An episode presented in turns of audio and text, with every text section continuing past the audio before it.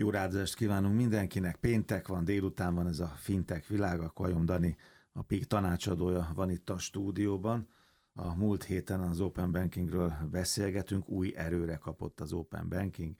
Előnyök, kihívások, egyfajta hullámzás ezen a piacon, ez volt a múlt heti témánk. Most pedig eh, maffia, ugye maffia kapcsolatokról beszélgetünk itt a fintekben. Bemutatkozik a Revolut maffia. Igen, volt szó talán a fintech világ a legelső adásában PayPal maffiáról. Elvileg a világon több mint 180 tech maffia van, és közülük az egyik, a PayPal mellett, az a Revolut maffia. Most már ezt néhány hete az utóbbi időben kapták fel igazán az emberek, és ez a jelenség igazán... Hát ez csak egy slang, egy kifejezés, ezt azért magyarázzuk meg, ugye? Igen, igen, tehát a tech maffia kifejezés lényegében azt jelenti, vagy azt a jelenséget jelöli, amikor van egy óriási tech cég, vagy egy nagy potenciállal rendelkező tech cég, mint a PayPal, meg a Revolut, e, és ezeknek a cégeknek a volt alkalmazottjai e, elmennek más e, óriási cégekhez vezetőnek, vagy alapítanak saját cégeket. Ezek is nagyra növik magukat, és ez egy ilyen egyfajta hálózatot alkot, maffia-szerűen, hogy mindenki jóban van mindenkivel, mindenki ismer mindenkit, kapcsolódnak ezek az óriási vállalatok, óriási hatalom van a kezükben, idézőjelesen. Tehát ezt az informális kapcsolati jelleget is megfogja a maffia elnevezés, meg nyilvánvalóan figyelemfelkeltő. Igen, elindul egy rakéta vagy űrhajósok, hogy ezek a segédhajtóművek leválnak róla, ugye, és akkor azok megélik a külön életüket, vagy aztán a tengerbe zuhannak. Tehát itt egy hatalmas létszámról, meg hatalmas bevételről, forgalomról van szó. Tehát ez egy, ez egy hihetetlen izgalmas ilyen halmazrendszer, amit itt fölvázoltatok. Igen, a PayPal és a Revolut mellett többen is vannak, még van Twitter mafia, Lyft mafia, Stripe, ugye a Stripe is egy fintech cég, Netflix, Instacart, Dropbox, tehát vagy Instacart, de rengeteg maffia, hát úgynevezett maffia van, idézőjeles maffia. Mint mondtam, elvileg több mint 180-an vannak, átlagosan több mint 10 startupot foglal magába egy-egy ilyen közösség, csoportosulás,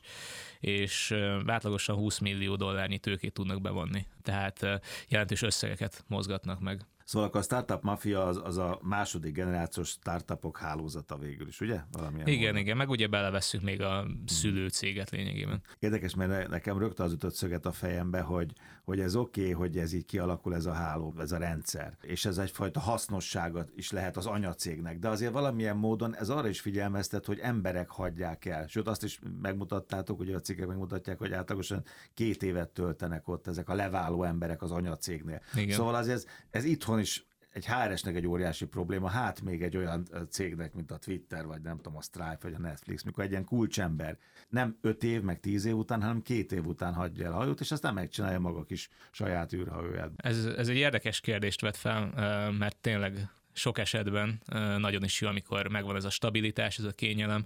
Tudjuk, hogy ha valaki eljön a céghez, itt marad tíz évig. Viszont a startupoknál, ahol az agresszív növekedés, meg a feszített tempó a jellemző, a Revolutnál abban a felállásban találták meg magukat, hogy nekik nekik érdemes nagyon ambíciózus, nagyon tehetséges, nagyra vágyó embereket behozni, akik még akkor is, hogyha csak két évet töltenek el a cégnél, akkor is nagy hatást tudnak kifejteni, egyedi problémákat oldanak meg, és hogyha úgy döntenek, hogy mennének, csinálnak egy saját vállalkozást, egy másik nagy vállalathoz hívták őket magasabb pozícióba, akkor elengedik őket, mert az alatt a két év alatt is lehet, hogy sokkal többet segítettek a Revoluton, sokkal többet adtak hozzá a céghez, mint amit mások, akik akár mondjuk 10-20 évig maradnak, megtettek volna. Iszonyú sok tényező van. Két év alatt teljesen kizsigerelhetlek, kiégethetlek, aztán eldobhatlak, mert már nem kell lesz. Az is lehet, hogy két év után te még elmész, mert neked még vannak hatalmas ambícióid, nálam már kifutottad magad, és átmész egy nagy céghez, alelnöknek, bárminek, amit én később használni tudom kapcsolati hálóként. Vagy épp a konkurenciához mész el, és félig meddig megpróbálsz ellopni mindent, amit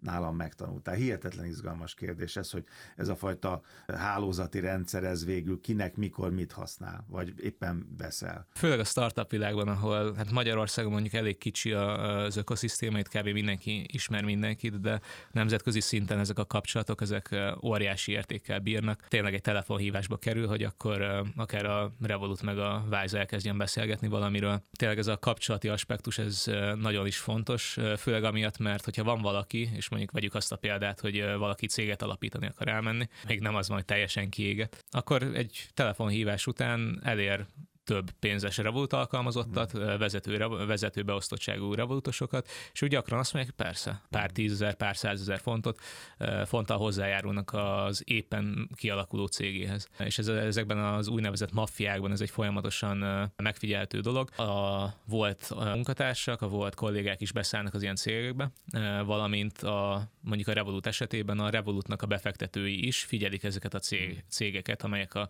Revolut alkalmazottak által születnek meg, és akkor azt nézik, hogy rendben ez az ember letett valamit az asztalra a Revolutnál, én befektető, befektetője vagyok a Revolutnak, megér egy próbálkozást az is, hogy befektetek ebbe a vízióba, hogyha jól pitchelik nyilvánvalóan ezt a, ezt a startupot. Igen, ez egy cégháló, csak, csak nem hivatalos, ugye?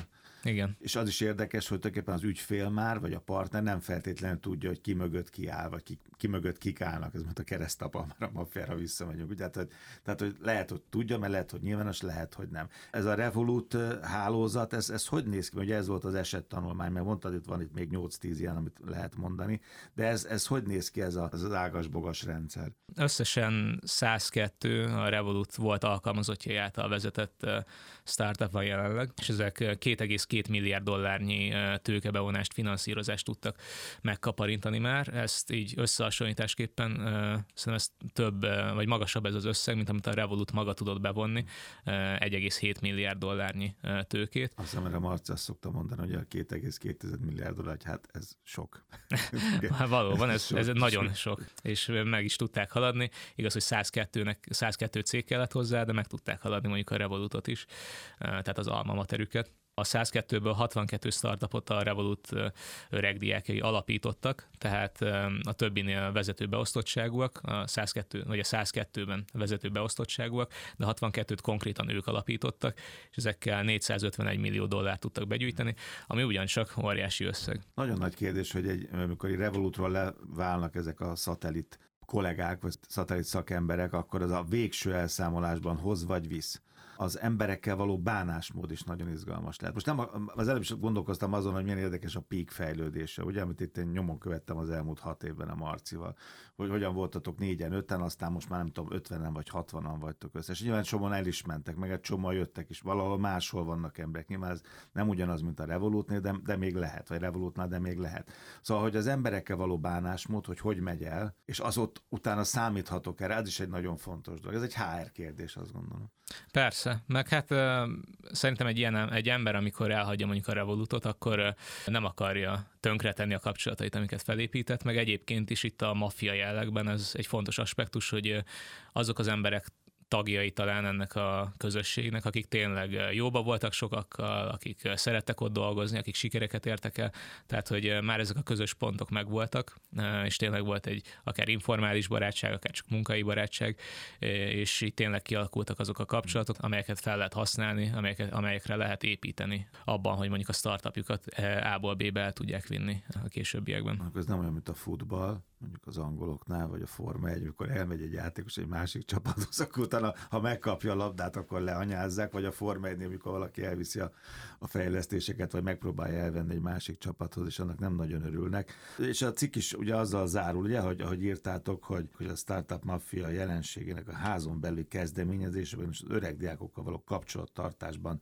rejlik nagyon sok kiaknázatlan lehetősége. Ezt hogy, hogy értik vajon? Hát szerintem úgy érthetik, hogy a Revolut is valószínűleg, meg minden ilyen hasonló cég monitorozzák, hogy hogyan teljesítenek ezek a különböző cégek. Ha úgy van, akkor felhívják őket, beszélgetnek, megbeszélnek különböző problémákat.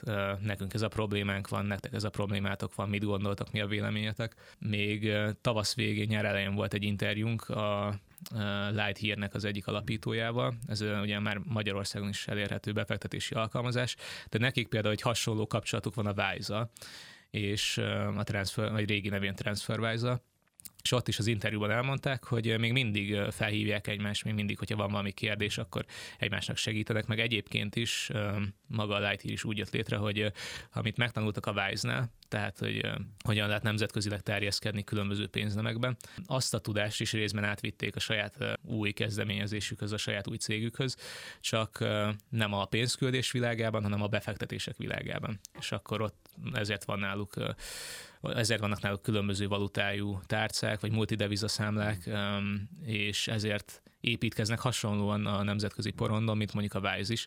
Tehát ez a kapcsolat, ez több aspektusban is megjelenhet ez a folytatódó kapcsolat, akár informálisan, akár szakmai kérdésekben, akár pedig pénzügyi kérdésekben, tőkebevonás, befektetés. hogy ez nagyon vékony ég? Vagy csak én érzem ezt? Tehát oké, okay, hogy te nem azon a területen, de én sem mehetek át egy másik rádióhoz ugyanezt a műsort megcsinálni. Igen, ez egy, na, ez egy nagyon vékony jég, és lehet, hogy vannak olyan szerződések, olyan NDA-k, amik, amik meg, meggátolják azt, hogy valaki pont ugyanazt tegye az asztalra. biztosan vannak, igen. De ha jól tudom, Európában egyébként, hogyha csak IT-ról beszélünk, akkor a, egy adott kódnak egy 80 vagy 50 százalékát kell, talán 50 százalékát kell megváltoztatni azért, hogy a tiéd legyen a kód. Tehát átfogalmazol egy dolgozatot 50 százalékban, és ez már a te tulajdonod.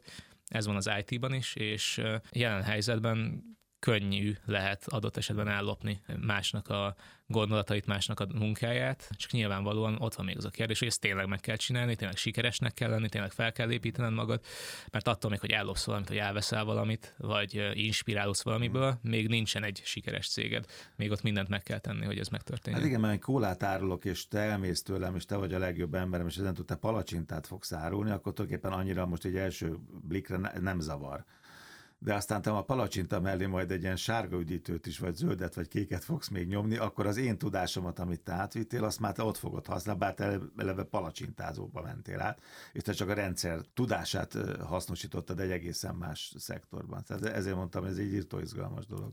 Igen, és akkor, hogyha már megtettem ezt a fiktív lépést, akkor most két opciónk van, vagy több is, hogy most haragudhatunk egymásra, Igen. ez az egyik, vagy a másik, hogy nem hogy haragszunk egymásra, összedolgozunk, te befektetsz, eh, kapsz egy jó megtérülést a befektetésedre. Hát a palacsintához csúszik a barna üdítő.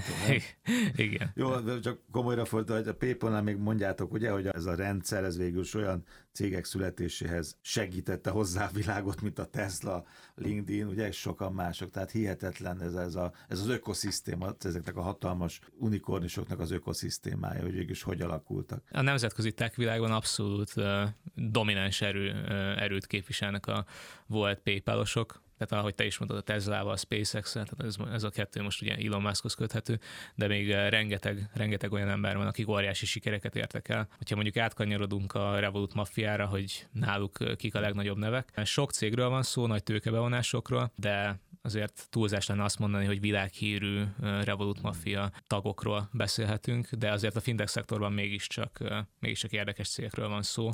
Az egyik ilyen a Shares, ez egy közösségi befektetési alkalmazás, ötvözi a közösségi média és a befektetések világát, hírfolyamon lehet követni az ismerősök befektetéseit, reakciókat és hozzászólásokat lehet hozzáfűzni. Tehát így lényegében egy érdemi eszmecsere van egy ilyen fókuszált platformon, annak érdekében, hogy barátainkkal, családtagjainkkal együtt közösen befektetve tudjuk gyarapítani a saját vagyonunkat. Egy másik érdekes vállalkozás, ez a Fuse, régen, régen Tezeract volt a neve, most Fuse Energy. Ez egy kicsit más irány abból a szempontból, hogy nem fintek meg kriptovonzatú, mint a Revolut Mafiának a 40%-a, hanem energiaszektorban tevékenykedik, és saját megújuló energia parkokat hoztak létre, árusítják ezt az áramot, és van egy ilyen virtuális napelem megoldásuk, az emberek, ha jól értettem meg, lényegében vesznek egy virtuális napelemet, és vagy megkapják az áramot, vagy nem kapnak áramot, de a cashflow-kat megkapják, tehát hogy a pénzt, amit generál ez a virtuális, farm, virtuális napelem, ezt megkapják, ami egy érdekes elgondolás, hogyha az ember például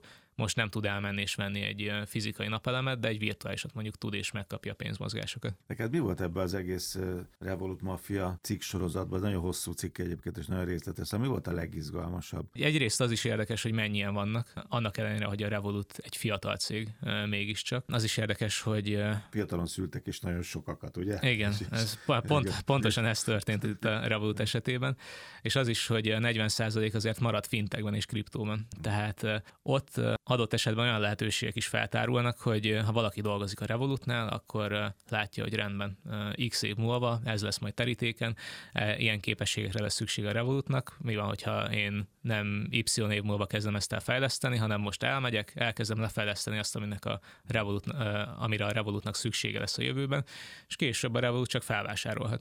Tehát ilyen, ilyen érdekes lehetőségek is körvonalazódnak, meg maga ez az informális maffia, család, közösségi jelleg is nagyon, nagyon érdekfeszítő. Igen, ezek akkor lehetnek ilyen szándékos ejtőernyősök is. Politikában úgy mondták annak itt, hogy, a, hogy összenő, ami összetartozik, de érdekes dolog ez igen, hogy, hogy ártasz vagy használsz, előre megtervezem, van ebben stratégia, ki mikor megy el, hova megy el, milyen feltételekkel megy el, milyen titkos záradékokkal és szerződéssel az anyacégtől, hogy aztán elmehessen és elvihesse azt a tudást, vagy annak a tudásnak egy részét, amit őt mondjuk, mondjuk itt ebben az esetben a Revoluttól kapott. Igen, és nem is csak úgymond mezei fejlesztőkről, csúnyán fogalmazzunk, nem csak róluk van szó, hanem bevételi igazgatókról, operatív igazgatókról, ők mind továbbálltak, de még mindig szoros kapcsolatot ápolnak, és ki tudja, hogy lesz még ilyen kapcsolódási pontjuk a Revoluttal. Hát igen, Elon Musk meg ott volt a Forma 1 most legutóbb, úgyhogy ki tudja, mi történik. Nagyon szépen köszönöm, Revolut Mafia. Kajom Dani, a PIK tanácsadója volt itt a fintech világában. Az érdekességek, az információk, a hírek a fintech.hu-n olvashatók. Egy hét múlva találkozunk.